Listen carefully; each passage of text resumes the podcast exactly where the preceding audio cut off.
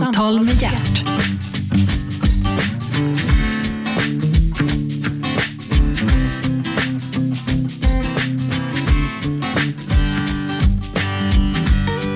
God morgon och hjärtligt välkomna till Radio 1, pratradiokanalen nummer 1. Programmet heter Äntligen. Jag heter Gert Fylking och äntligen är tidsresenären Jan Jörnmark här. Välkommen.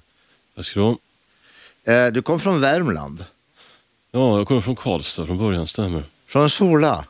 Ja, Jag vet inte om det är så mycket mer sol där än någon annanstans, men Nej. sannolikt. Men jag hörde det att, att Sola, i, i, det var en servitris på 1700-talet som hette Sola. Det är uppenbarligen att det är på det sättet. Har Ja, hon står ju staty där någonstans nere vid Klarälven. jag var någon lokal kändis som satte upp en staty på 80-talet. Ja, Okej. Du, eh, du är född i Karlstad, hur gammal är du då? Jag är 52. 52. Och sen har har, du skriver om, om och berättar och mycket om förr. Att, det Ja, var, att det var bättre förr, får jag säga så? ja, jag vet inte, jag, jag, jag är ju ekonomihistoriker. Jag, jag doktorerar ju på omvandlingen av europeisk stålindustri och stadsbyggnad och sånt där. Skrev massa avhandlingar som ingen människa kunde läsa. Och sen så hittade jag ett sätt för fem sex år sedan att kommunicera om det där på ett annat sätt. Jag började fotografera resterna utav moderna ruiner egentligen. Skyskrapor, köpcentrum, miljonprogram, folkparker. Och, och det jag har gjort det är ju egentligen först för Sverige och, nu då globalt. Att jag har skrivit om globaliseringen, strukturomvandling med hjälp av bilder. Jag tycker inte det är så nostalgiskt heller. Det, det framlockar mycket nostalgi. Människor minns hur det var på 60, 70, 80 eller 90. Ja, ja, men det där är lite intressant därför att det handlar ju om att du dokumenterar en ganska, eh, en historia som är inte så långt tillbaks utan hälften av befolkningen kommer ju faktiskt ihåg den historien som du berättar om. Medan vi normalt, när vi pratar om historiska epoker, ja, då är vi bort igenom och tittar på ruiner i, i gamla Grekland och sådär. Vad, vad har fått ditt intresse att, att kretsa kring det här? Mm, jag funderar en del på det själv också. Jag är född 59. Jag, jag började doktorera på 80-talet. Jag, jag kände nog 60-70-talet när man växte upp var årtionden med stark förändring. Till och med i Värmland. Industrier försvann, orter försvann. Jag, jag tror jag hade en stark lust egentligen att försöka förstå det jag hade sett medan jag växte upp. Så därför så, så ekonomisk historia låter ju ruskigt, mossigt och eländigt och trist. Men det jag skrev om var 70-80-tal. Jag ville fatta varför industrin förändrades så fort. va- Varför boendemönster förändrades så snabbt. Alltså, det var det jag skrev om. Jag skrev om det som intresserar mig. Men du, du växte upp i, i Karlstad, du gick i skola i Karlstad. Hur, hur, hur var dina familjeförhållanden? ja, jag vet inte. Det, det, bodde i Karlstad fram till 78 i en normal medelklassfamilj. Farsan var bilförsäljare på 60-talet och, och morsan var lärare. Mhm. Så normal svensk medelklass som går att hitta. Men pappa var bilförsäljare på 60-talet, måste han sålt fina bilar? Ja, de sålde mest skrotbilar. Det, det, det, det var en bilförsäljare i Karlstad som med tiden blev legendarisk. Arnold Linder hette han. En av hans döttrar skulle med tiden gifta sig med Roger Moore. Vilket gör att Roger Moore numera dyker upp då och då i Karlstad slash Skoghall. Mhm. Denne Linder var, var en klassisk, vi kan kalla det bilhandlare utav 60-talsmodell. Va? Det såldes begagnade bilar i, i parti och minut. Sen så hade de också, det var ganska roligt alltså, Sen hade de en sorts Värmlandsagentur för DAF och Rover. och, och i det där så ingick ju att farsan hade fri bil vilket innebar att vi alltid hade de sämsta bilarna, de som minskade minst i värde när någon körde dem till Dalsland eller vad det kunde vara. Minns det där man stod och tittade på de där fina Rover-bilarna som vi aldrig fick köra. Nej men Rover var fina bilar. DAF var en holländsk historia med remdrift. stämmer, stämmer. Rover var ju där man tittade på så här, uh, ja, men det var fint. enorma bilar. Ja, det var det. Jag har haft eh, en Rover faktiskt. Det jävligt fin bil. Med, med läderklädsel och valnötspaneler och ja, grejer det. Även det kollapsat nu för tiden. Ja, men allting förändras. Vi kan bara konstatera att det var bättre förr, till och med bilarna var bättre förr. Okej, så gick du i skolan då i, i, i Karlstad. Hade du syskon? Ja, jag har en bror men han är oerhört mycket yngre än mig så honom såg man inte till mycket. Nähä, var ett sladdbarn det. Uppenbarligen. Ja. Var det på honom all kärlek kom att slösas och du fick gå där i din ensamhet och fundera och spek spe spekulera? spekulera. Ingen aning, han är så mycket yngre så jag har ingen aning om hur han växte upp. Nästan till. Alltså det är samma föräldrar och alltihopa sånt där men, men det skiljer 13-14 år mellan två stycken så blir det mycket. Ja, ja, det blir ju det. Mm. Det blir ingenting annat än att du skulle passa honom när det inte passade dig i princip. Ja, knappt ens det. Utifrån att dyker upp småsyskon när du ska börja på gymnasiet så har du ju inte tid med. Nej, nej. Men du måste ju ändå haft ett gott läshuvud. Och tyckte att det var kul i skolan. Ja, ja det var kul med skolan på sitt sätt från och till. Va? Det, det, men skolan är väl som det mesta, det går upp och ner. Mm.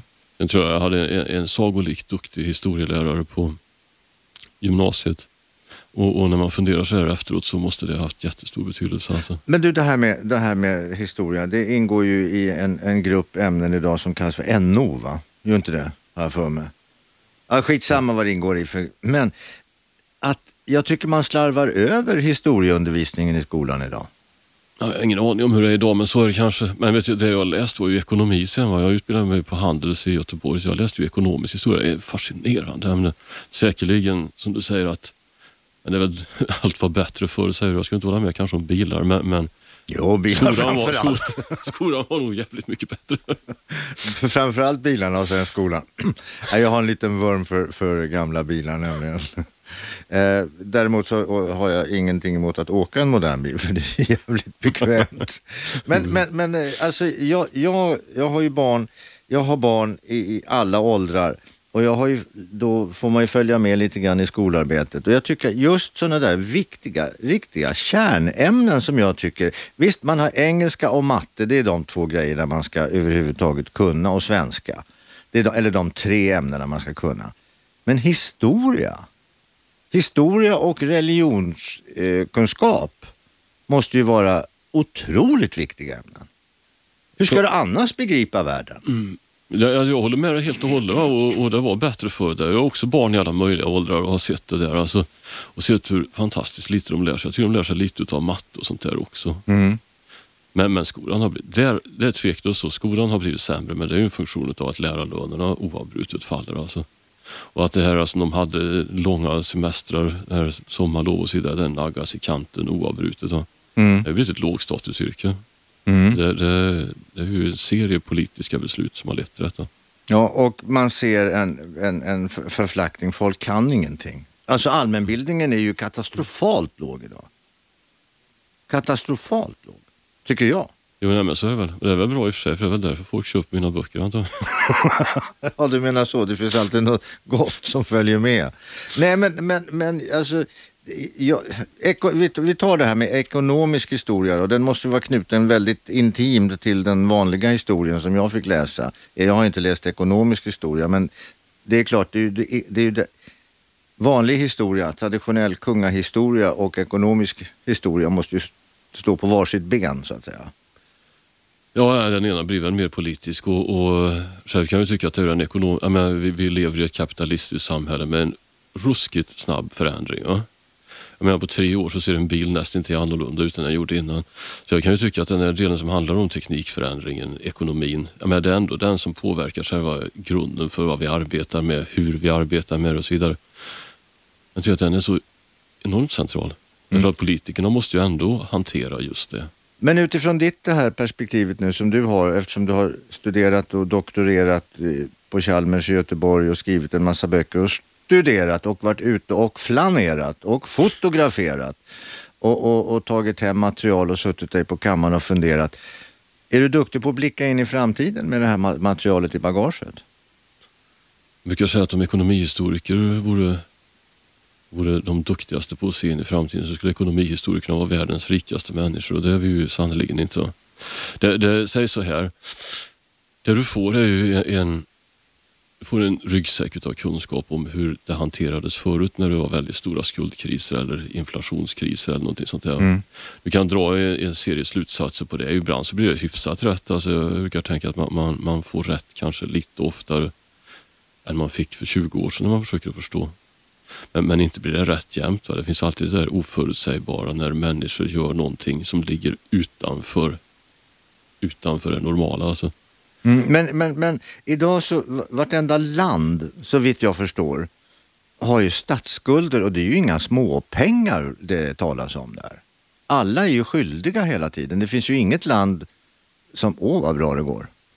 Ja, mer eller mindre. Sverige har ju ingen speciellt stor statsskuld. Alltså, ser du på den i, i förhållande till, till den samlade produktionen av varor och tjänster, BNP, så är den ju det är bland världens minsta. Och det är ja, men det är fortfarande en skuld. Ja, men, men det, är, det är inget märkligt med Jag antar att du har skulder för din bostad eller din bil eller någonting sånt där. Att du har en skuld är ju hanterbart. Det är ju om skulden börjar rusa iväg snabbare än dina inkomster. Mm. en större och större andel av inkomsten eller BNP eller någonting. Det är det som har hänt i Grekland när föräldrarna i Förenta Staterna nu. Det är ju då det blir besvärligt. Riktigt besvärligt alltså. Ja men de där dumma jävla grekerna. De har ju försatt sig i den där situationen själva. Alltså det är ju, det är ju inte något, det har ju inte bara hänt utan det är ju ett medvetet eh, nermontage. Måste det ju vara. Ja, det är ju inte så att någon har satt en, en pistol mot skallen på dem och sagt att nu får ni låna pengar här. Nej. Utan det som uppstod i början på 00-talet när de blev en del av eurozonen, det är att de fick tillgång till väldigt låga räntor. Sen så utbröt det ju en byggboom där nere som var samma i Spanien. Och som sen inte gav de inkomster du hade behövt för det Om du lånar så bör du investera och sen bör du få en avkastning på det. Det fanns ju ingenting sånt i Grekland. Det, det, I alla fall inte alls att de kunde betala dessa enorma skulder. Nej, och sen så jobbar inte folk efter 50. Nej. Hade du och jag bott där nere, då hade vi varit pensionärer sedan länge. Mm, det hade varit skönt. Då hade vi kunnat ha både pension och tre olika arbeten. Ja, och alla svart och en pool på tomten. Och stora skulder. Och stora skulder.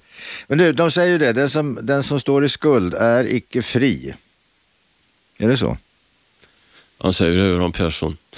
Och det, det, du, har du väldigt stora skulder, 150 procent av dina inkomster eller av BNP om du är en stat, Mm. Och sen så viker inkomsterna också. Det är det som är så förfärligt då, i Grekland eller Förenta Staterna eller sånt där. Arbetslösheten ökar. Det innebär ju att, det innebär att färre arbetar. Utbetalningar från de arbetslösa ökar. I det där läget så är du sannerligen inte fri. Va? Därför att då måste du låna mer till de löpande utgifterna. Mm. Men det är just det läget. När du har en hög skuld sen ökar den snabbare än din produktion. Men kan vi inte ta de här killarna från Lyxfällan och skicka ner dem till Grekland eller över till Amerika. De är ju bra på att sanera ekonomier. ja, det var en jättebra idé. ja, men det måste ju funka på ungefär samma sätt. Det blir många greker och amerikaner att tämja i sånt fall. jo, man får väl ta dem där uppe i, på departementen och tala om hur man sköter ekonomin i ett land. Nej men Gert, du, du hade samma sak i Sverige i början på 1990-talet. Vi hade överkonsumerat under en lång tid. Vi hade lånat pengar utomlands. Vi hade en statsskuld som var oerhörd alltså, och även privata skulder. Och sen gick vi igenom en kur 91, 92, 93 när det där planade ut. Men mm -hmm. den är ju också men det du fick då var, var serier utav mängder av personliga tragedier där folk fick gå från hus och hem och bil och båt och allting sånt. Alltså. Och där folk var, även om man inte fick gå ifrån det, fastlåsta vid sina lägenheter eller villor i åratal. Alltså. Mm. Så det, det, kostar mycket i form av mänskligt lidande där. Du lyssnar på Radio 1. Programmet heter Äntligen. Jag, Gert Fylking och Äntligen är alltså tidsresenären. Jag kallar honom för tidsresenären Jan Jörnmark här. Vi är strax tillbaka. Det är väldigt spännande att prata ekonomisk historia. Häng kvar! Äntligen! Samtal med Gert.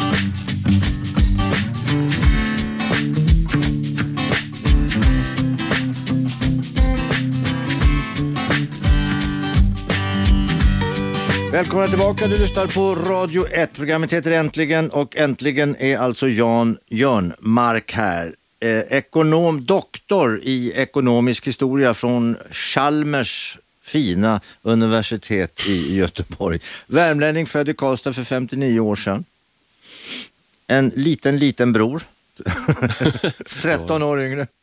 Eh, var duktig i skolan, pappa var bilförsäljare, sålde bilar av äldre modell fina bilar påstår jag. Mamma, mamma var lärare.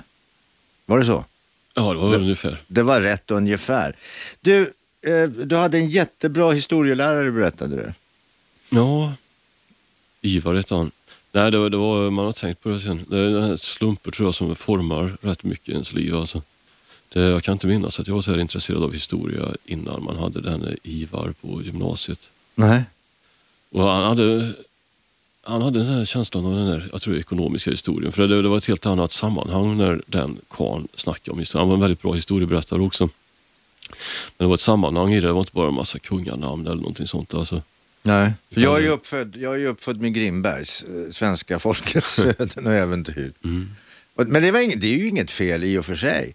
Eh, Men historia har alltid varit eh, någonting som jag har tyckt att det är väldigt intressant och jag har sagt alltid till mig själv att fattar jag bara vad som hände då så har jag en möjlighet att fatta vad som händer nu. Är det inte så?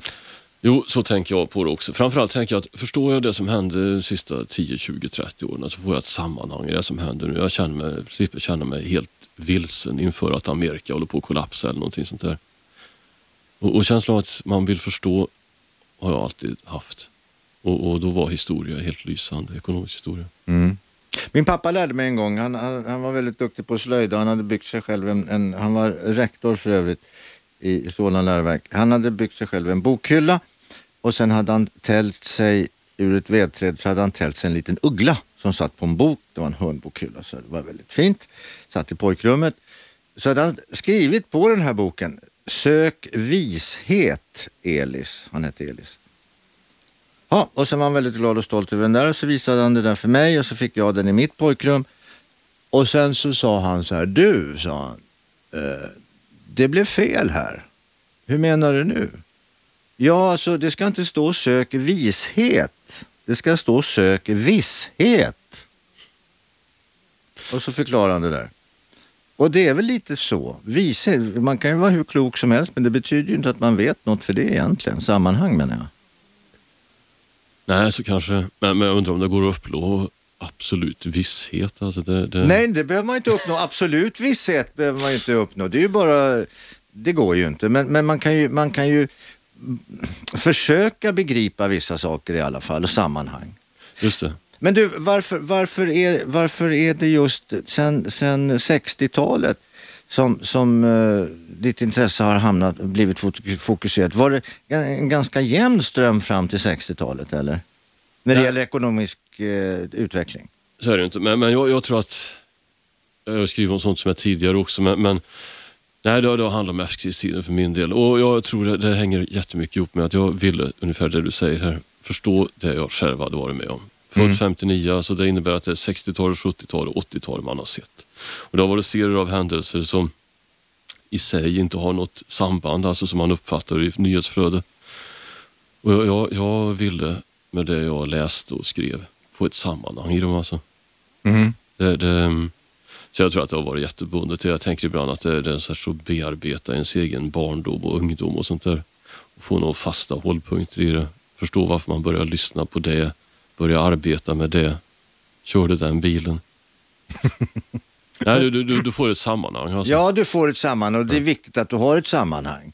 För det, är- Sen- det är ju grunden som du står på. Sen kan du säga att den perioden då som är från 60-talet eller från 50-talet, den, är ju unik historiskt. Alltså du, du får en internationalisering under den här perioden, de här 60 åren från 1950 till nu som du aldrig någonsin har sett. Va?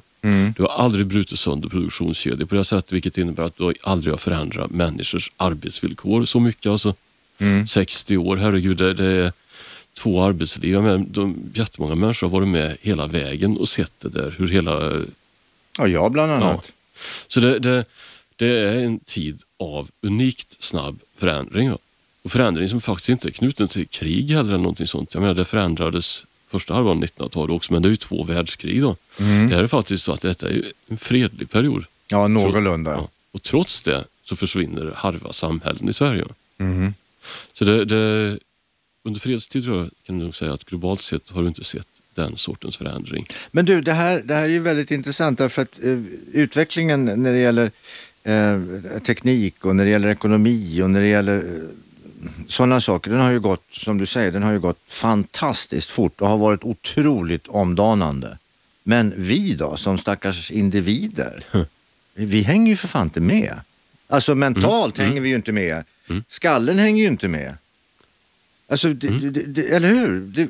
Hur vi är ju en del av en evolution. Det andra har ju varit en revolution. You are absolutely right. Ja, men precis så är det. Och, och Det leder till flera saker. Vi, vi fattar förhastade beslut till exempel. Därför att vi, vi uppfattar inte hur snabbt den tekniska utvecklingen går, vilket gör till exempel att du kan omsätta aktier och allt möjligt sånt med sån hastighet. Alltså så att du har ingen möjlighet utan stora kunskaper att hantera det. Du går fel gång efter annan. Vi är inte skapta för den hastigheten. Och ja, Det är väl en av de väsentliga, men det, det leder ju till när det, om vi då inte hinner med eller känner oss lurade ett antal gånger därför att pengarna försvann, jobbet försvann och så vidare. Då uppstår ju det där bekymret att vi känner oss, vilket väldigt många gör, främmande för hela samhället. Va? Alienerade som sociologerna säger. Och, och i det uppstår ju då att, ja, vad är det här för någonting? Var, varför hände det här? Var det utlänningar som kom och tog våra arbeten? Var det kapitalister som tog våra pengar? Va? Och alienationsproblemet är ju ruskigt stort. Det, det har varit mitt mål med de här böckerna. Det är ifrån det att jag skrev Övergivna platser 2007. Förlåt, fram, en gång till. ifrån det att jag skrev Övergivna platser 2007 Ja. fram till nu. Mitt mål har varit, det är lite pretentiöst men icke desto mindre så det har varit mitt yttersta mål. Att minska den där alienationen något lite grann, åtminstone hos någon människa. Är Men, men du, glömde, du glömde en sak till här. Eh, Vi har ju dessutom, förutom att vi har eh, en, en stor grupp invandrare här som får ta mycket, mycket av vårt, vårt gnäll och vårt skäll i samhället på helt oförtjänta grunder. Men vi har ju också eh, de här eh, religiösa olikheterna som har dykt upp som också skapar total förvirring och en mängd aggressioner. Ja, men så är det ju. Och, och ta, det, det är så oerhört stora olikheter som vi måste hantera. Och just de här migrationerna, folkförflyttningarna, de, är ju, de kommer ju överallt. I den här nya boken Avgrunden så skriver jag om Detroit. Detroit totalkollapsar ju. Det är ju nästan till en ruin. Från 2 miljoner till 700 000 invånare från 1950 till nu. Vänta, vänta, vänta. vänta. Nu, nu, vi måste ta en liten paus här. Det här är ju jättespännande. Riktigt spännande. Jag är alldeles till mig här i trasorna. Jag pratar med Jan Jörnmark. Eh, oj, jag, jag är alldeles till mig. Jag, jag ber om ursäkt. Vi måste stanna här. Vi är strax tillbaka. Äntligen! Samtal med hjärt.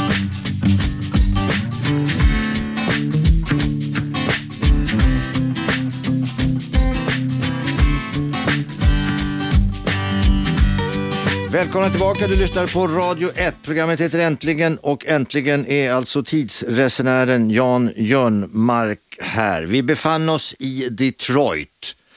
Du har stått på en helt och hållet övergiven skyskrapa på taket och tittat ut över Detroit. Vad såg du? Det, det du ser när du är där halv ett, ett på natten eh, någonting som är svårt att beskriva i den här världen. Du står uppe i en sån här gotisk Batman-skyskrapa från sent 20-tal och det, det är Batman alltihopa. Och det växer en björk där högst upp på skyskrapan. Och så tittar du ner över stan. Och det är eh, för 50 år sedan en av världens största, mest pulserande metropoler och det du ser eh, är det är ingenting, därför att där nere det är nersläckt, det rör sig inga bilar. Det är, du tittar ut över tomhet nästintill. Alltså. Men, men det, det är någonting oerhört att göra det. Gå upp i det där mörkret med de här 18 våningarna och sen ställa sig där och se det. va. Det är en kraftig känsla. Ja, men vad, vad, vad beror det där på? Att det har blivit så? Hur kan, hur kan en sån stor industristad liksom bara slås sönder och samman? Alltså det, det är ju globalisering, konkurrens och det, det är tre saker egentligen. Det första är att på 50, 60, 70-talet så sprids städer ut. Det gör Stockholm också. Stockholm tappar innerstan halva befolkningen under den tiden. Det gjorde Detroit med. Varför? Jo, för att industrier flyttar ut till motorvägar där du slipper köra in motorer och delar in till centrala stan och sen flyttar människorna till villaförorter och sen flyttar handeln ut till stora malls, supermarkets. Och, och i det där läget så klarar en del städer av det, Stockholm gör det, och återskapas igen på 80-90-talet. Problemet i Detroit är ju att de kan inte lösa sina integrationsproblem då, för att ta till ett svenskt ord. Det blir en motsättning det där. Den sönderfallande innerstan och den växande ytterstan mellan svarta och vita. Mhm. Och du får rasupplopp ifrån sent 60-tal, tidigt 70-tal som gör att stan bränns ner i delar. Alltså. Då lämnar de vita ännu mer. Och framåt 80-talet så är det en allt farligare stad. Då börjar de svarta också lämna den svarta medelklassen. Det, det, det är ju en stad som först inte kan hantera de moderna produktionskedjorna och sen inte kan hantera integrationsproblemen. Sen kommer det sista, tredje också. Och det är ju inte bara att industrin flyttar till motorvägen. Det tredje stenhårda slaget för Detroit det är ju att industrin till råga på alltihopa kommer från Japan, Östasien. Att helt plötsligt så dyker det upp bilar ifrån Japan, Toyota, som alla skrattar åt. Bilar som inte ens har förstånd att dra ordentligt med bensin. Det skramlar inga plåtburkar i dörrarna på dem. Vem vill ha en sån bil? Sen kommer oljekriserna och folk köper Toyota och Suzukis allt vad de orkar. Mhm. Så bygger japanerna upp efterhand en industri, bilindustri i Amerika också. Den lägger de så långt bort ifrån Detroit som möjligt naturligtvis. De vill inte ha fackföreningsanslutna människor med höga löner. Och, och där står Detroit kvar. Industrin har flyttat i två omgångar. Segregationen har gjort att människor som till hälften faktiskt är analfabeter idag, mer än halva befolkningen, är de som bebor den där inre staden. Men det är ju lite grann som den här filmen eh, Ken Russells, den här Flykten från New York. Det är ju lite same same det. Men Det är klart att det, man kommer att tänka på flykten från New York när du är där. Det, det, det är ju så. Ja. Det, du, du har det där, men på riktigt. Jo, men, det, men varför, varför får vi inte höra det här? Varför görs det inga reportage kring det här? Varför berättar inte eh, vår finansminister om det här? Varför berättar inte Reinfeldt om det här? Varför berättade inte Göran Persson om det här? Varför håller man inte upp de här flaggorna och viftar med dem och säger det är varning, varning, hallå, hallå? Ja, vi, vi har ju våra egna varianter också därför att även om det är mycket mindre varianter, det som finns ute i Bergslagen och Norrland, så är befolkningsminskningen detsamma och åldrandet hos befolkningen detsamma. Men, men politiken handlar idag väldigt lite om att försöka att staga upp det. För att det finns ingen som tror att det går att staga upp längre. Regionalpolitik hör till 70-80-talet. Ja, Politiken- varför, hur kan det ha blivit omodernt? Jag skulle säga att det, det är väl sånt som någon gång på 80-talet där så tror du fortfarande på det. Och du ska flytta Saab-fabriker till Avesta eller Malmö eller vad det kan vara. Och du lyckas knappt att få upp de här fabrikerna förrän de faller ihop igen. Mhm. Och, och där, Sveriges stora skifte är ju sent 80 tidigt 90-tal. Där så går politiken över istället till att vara ett allmänt hopp om entreprenörskap, växande storstäder och storstäderna växer ju också. Och det är ju där väljarna finns. Men vad fan, vad, vad storstäderna växer väl inte alls, de krymper ju. Jag tycker ju att de krymper. Innerstan krymper ju. Det blir mindre och mindre folk i innerstan. Medan ytterområdena, de blir ju större och större. Det byggs ju som fan runt omkring. Mm, det är det jag menar med storstäder växer med Stockholm i hög grad, Göteborg, Malmö. Där växer ju. Det är ju städer som växer ihop med, med Uppsala, Köpenhamn och så vidare. Och, och som alldeles tydligt kan generera Ja, nu har vi ju inte Uppsala kanske vuxit ihop med Köpenhamn än, men Malmö. Nej, Stockholm. Ja. Du, Ja, men ja. du. men det kanske kommer, vem vet? Det kanske kommer. Nej, men nu har det ju vuxit upp. Nu har man ju den fjärde stora storstadsregionen, nämligen eh, Norrköping, eh, Linköping. Den har jag aldrig trott på, för om en storstadsregion består av en massa skog så finns det ju en där nere, men det, då får du ta till mycket skog om du ska... Ja, men de påstår ju det, för nu har de ju planerat sjukvård och hur de ska göra där nere, universitet och så vidare. Men jag tänkte på en sak, eh, inte för så länge sedan, nu pratar vi alltså 70-tal, eh, tidigt 70-tal. Då bodde jag på Sigtunagatan i Stockholm. Då hade vi på Sigtunagatan hade vi en, två, tre, fyra små butiker som sålde alltså dagligvaror i form av smör och bröd och fisk och sånt. Sen hade vi på Gästrikegatan som är nästa gata, hade vi tre likadana butiker som sålde smör, ost och sill. Mm. Ja men de är ju bara borta. Det som har hänt i innerstan i Stockholm är ju, jag menar, från då 70-talet till nu så har ju priserna på innerstadskvadratmeter tiodubblats i fasta priser. Eh, vilket har gjort att vilka verksamheter du än har haft i innerstan har fått konkurrera stenhårt med omvandling till bostäder utav och sen naturligtvis den här typen av diverse hand. Jag menar, den nya befolkning som flyttar in i innerstan då, Mm. som ju faktiskt har ökat med innerstan i Stockholm, Malmö, 240 till 310 000 människor på 30 år. Mm. Människor med mycket högre inkomster än på 70-talet, lägre medelålder och så vidare. Det, det är ju, du efterfrågar helt andra grejer alltså. Ja, men Stockholm är ju helt bisarrt. Du får betala för 30 kvadratmeter får du betala 2 miljoner om du ska köpa en bostadsrätt. Jag vet. Och, och, och 73 fick du betala 4 000 spänn per kvadratmeter i dagens priser. Du, jag var med och bildade på Rörstrandsgatan i Stockholm en, en, en, en, eh, hela kåken med gat och gårdshus, bostadsrätt. Mm. Hela affären, med, alltså hela affären gick på 2,5 miljon. Mm. Vi köpte 150 kvadrat för 28 000. Mm.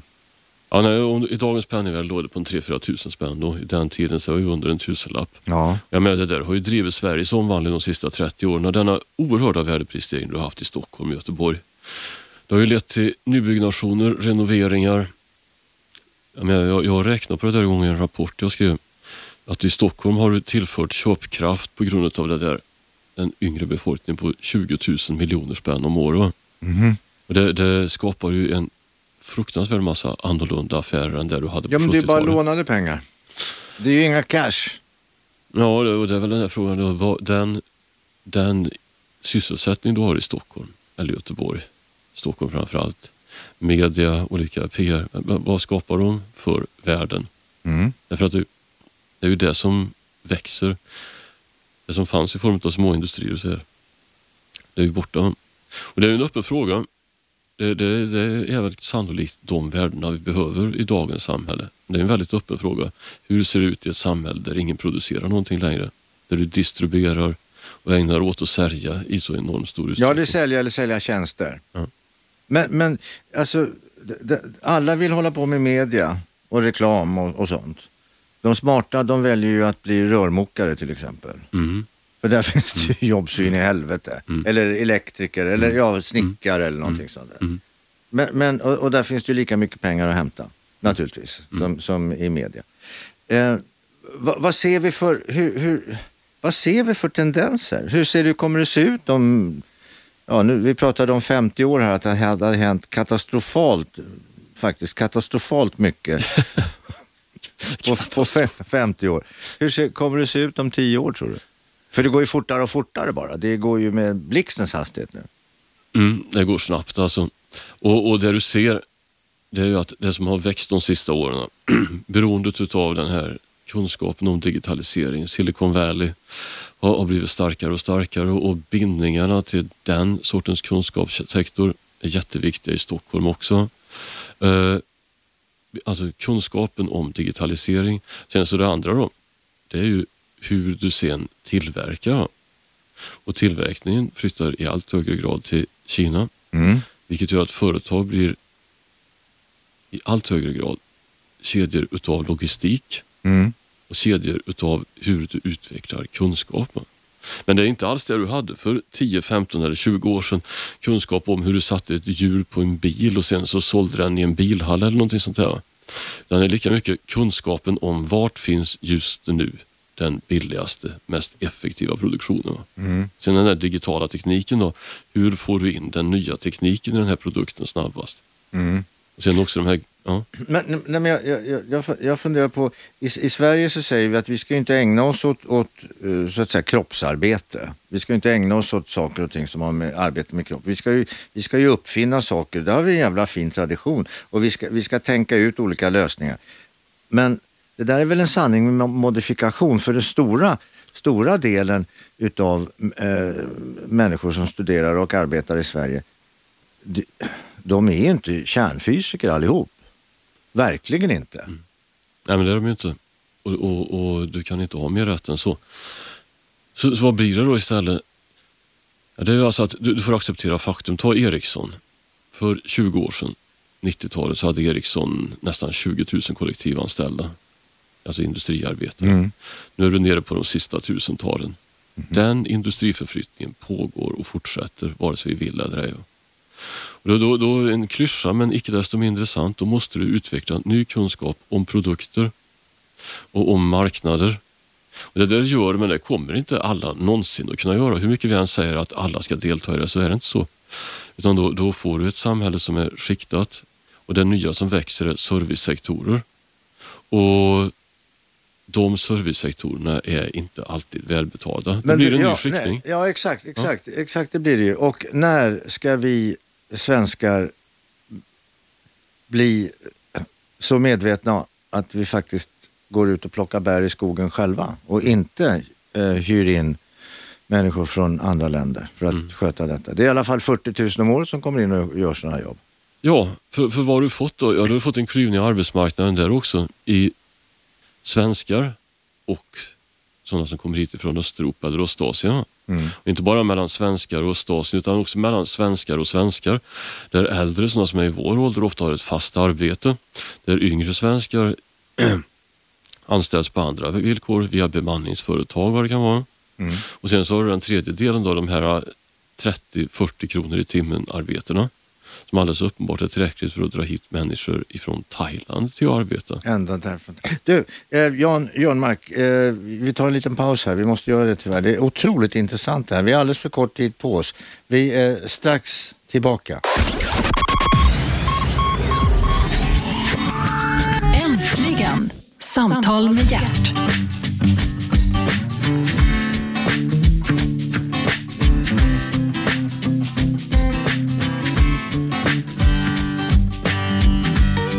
Välkommen tillbaka. Du lyssnar på Radio 1. Pratradiokanalen nummer ett och här jävlar nu pratas det ska jag säga. Jag har i programmet Äntligen, Gert Fylking heter jag, eh, Jan Jörnmark på besök. Välkommen Jan. Tack. Du, vi har kommit eh, nästan, vi har målat upp nästan tycker jag en, en skräckvision för, inför framtiden. Vad ska det bli av oss? Jag tycker inte det är en skräckvision. Alltså det handlar om att man får anpassa sig till en annorlunda värld. Alltså. Och det är klart när vi snackar om det så det, det finns drag i det där. Alltså, att man blir väldigt splittrad. Att du får... Ja, det, det är drag som känns obehagliga, inte minst för oss då, som kommer ifrån... Men det är ändå nödvändigt att försöka att anpassa sig till det och bli en del utav det. Vi kommer aldrig Ja, tillbaka men heller. nej, det, det, jag hoppas verkligen inte att vi kommer tillbaka. Jag tycker att vi har ett fantastiskt samhälle. Vi har hur mycket möjligheter att kommunicera som helst. Vi har hur mycket möjligheter som helst att få tag på information. Vi måste ju naturligtvis lära oss att ställa frågan. Det måste vi ju lära oss, att ställa frågor. Eh, och det, det, det är ju bra att kunna göra det. För svar, det finns ju hur många som helst. Det finns ju mer svar än frågor. Men alltså, hur, hur, ska vi, hur ska vi behandla, hur ska vi komma... Jag känner att vi är underlägsna tekniken idag. Hur ska vi komma och bli teknikens herrar, mästare? Ja, jag, jag tror framförallt... Själv har jag en sån här ögonblick för sju, åtta år sedan som förändrade mitt förhållande till tekniken fullständigt och, och som gjorde att jag bytte yrke egentligen. Att jag blev fotograf när jag var 46 år. Alltså, jag, jag, jag fick en sån här ögonblicksinsikt i hur kraftfull den moderna tekniken är. Mm. Jag hade en, god vän som hade tjänat hundratals miljoner kronor i samband med att han hade skapat ett företag och sålt det där. Han hade sålt det på höjden av IT-boomen år 2000. Två år senare, det som de hade fått miljarder för, det var värdelöst?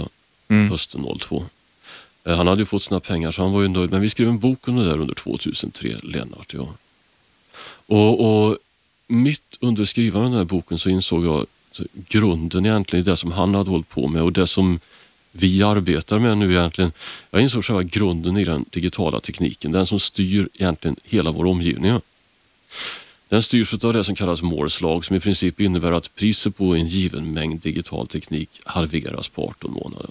Mhm. Det bara är så. Ja, ja, that, that's, that has been the case sen, ja, sen 1959-60, sen jag föddes. Det, det, ingenting i, har någonsin utvecklats på det. Alltså en transistor kostar en dollar 1968. Idag kostar det 0,7 nollor och en etta dollar framför sig. Det innebär att en Playstation som har 500 miljoner transistorer, den kostar en halv miljard dollar 1968. Idag kostar den en tusenlapp eller något liknande. Och det där gäller överallt. Så. Och det, det som slog mig 2003 när Lennart och jag jobbade. Det var, jag ringde honom och sa herregud, vi har att göra med historiens största värdeförstörare. Mm. Och, och Lennart sa till mig ja, du har fan med rätt. Det, det, jag, menar, jag jobbar i informationsbranschen, jag är lärare på Chalmers. Jag insåg att det där skulle betyda att inom något år skulle mina studenter kunna sitta där och jämföra mina föreläsningar med det som pågick på London School of Economics, Stanford, Harvard, vad som helst. Och de skulle med billiga flygresor, allt billigare på grund av digital bokningsteknik, de skulle kunna jämföra det och de skulle kanske kunna då tycka att gamle Björnmarks grejer är inte de bästa. De ta sig dit mycket billigare. Jag, jag insåg att detta är jag utsatt för. Jag mm. försöker hitta. Konkurrens. Ja, du får hitta ett nytt sätt att hantera det. Mm. Och du får leva med det och inte mot det. För det blir ju så fruktansvärt lätt. Att efter en viss ålder så har man bestämt sig för att så här är det. Det jag gjorde då var att jag, jag hittade ett nytt sätt att kommunicera. Jag har mycket tillfälligheter och sånt. Men det var också ett djupt medvetenhet om att vi är alla utsatta för denna värdeerosion. De kunskaper vi har förlorar en ruskig massa värde varje år. Det, det, vare sig vi vill eller ej är det så. Man kan i alla fall försöka. Ja, men vilken kunskap, är, vilken kunskap är då viktig att trots allt ha? Om, även om kunskapen devalveras så finns det ju viss kunskap som är, som är värdebeständig. Det måste ju finnas. Jag skulle säga att det nästan viktigaste kunskapen du har idag det är kunskapen om hur du hanterar kunskap. Därför att vad du har är en given mängd information som fördubblas var 18 månad ute på internet. Mm. Det finns så mycket kunskap där ute som är enkel att inhämta. Eller enkel, så, som du kan hämta in om du förmår absorbera det som finns där ute. Så eh, Los Angeles Times som skrev en stor artikel om det där för många år sedan. Det var då när Lennart och jag jobbade. Det var också en sån här ögonöppnare för mig. Där de skrev det att tidigare fram tills nu då så hade det centrala i mänsklighetens problem varit att skaffa kunskap. Idag är problemet att sortera all denna kunskap. Alltså. Mm. Detta flöde som kommer över oss i våra smartphones och allt vad det är. Men kan du göra det, då har du mycket bättre förutsättningar hantera verkligheten än annars. Men, men all, all, den här, om vi, om vi nu säger, vi har en jävla massa kunskap och, och vi har inte sorterat kunskapen riktigt. Strömmen går i ett stort område, ingen el, den slås ut av något skäl.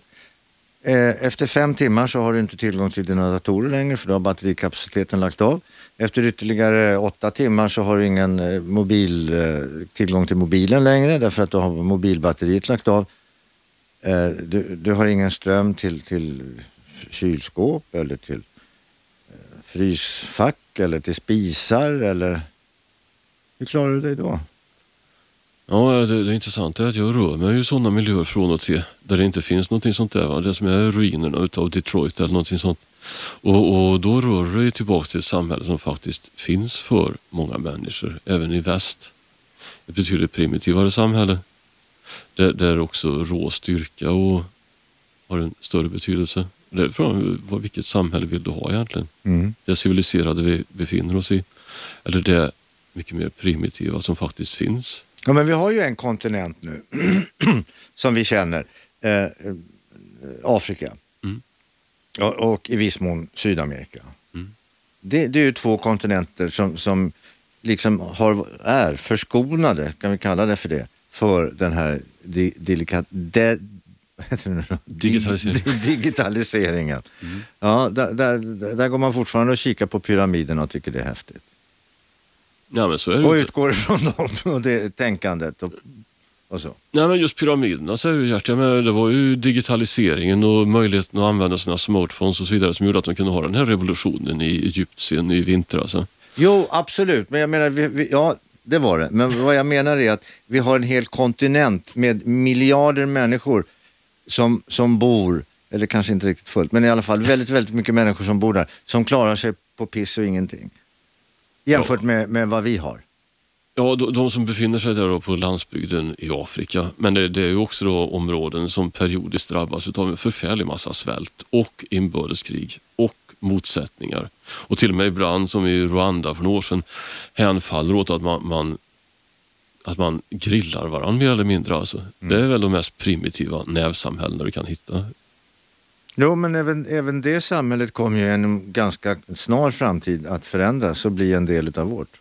Ja, det är alldeles uppenbart att det är så. Egypten som vi pratade om nyss. Det sägs och det är tydligen så att trafiken i Lagos flyter bättre efter att mobiltelefonerna kom när man vet vart de, är, vart de värsta trafikkaoset är som man undviker. Mm. Så de är påverkade. Det sades 1985 att det skulle finnas en miljon mobiltelefoner i hela världen sammanlagt år 2000. Men det finns en miljon mobiltelefoner i Lagos idag. Långt mycket mer än så. Mm. Så det, det har påverkat något så oerhört. Eh, hörni, mina vänner, jag är ledsen. Vi är tvungna att avsluta här, Jan Jörnmark. Eh, ditt samtal har varit fantastiskt spännande och eh, roligt att ta del av. Jag är väldigt glad att du kom hit. Eh, nu känner jag mig än osäkrare. Lysande. Faktiskt. Nu måste jag gå hem och ta del av mer information. Eh, tack så hemskt mycket. Tack alla ni som har lyssnat. Eh, ni lyssnar på Radio 1. Programmet heter Äntligen. Och äntligen var alltså tidsresenären Jan Jörmark här. Ni fortsätter att lyssna på Radio 1, det är nämligen den kanalen ni lyssnar på. Därför att om ett litet ögonblick så kommer Robert Aschberg med eh, sitt program och honom kan ni också ringa in, det vet ni. Telefonnumret till Robban är 0211 12 13. Vi, vi hörs imorgon. Tack för att ni lyssnar. 101,9 Radio 1 Sveriges nya pratradio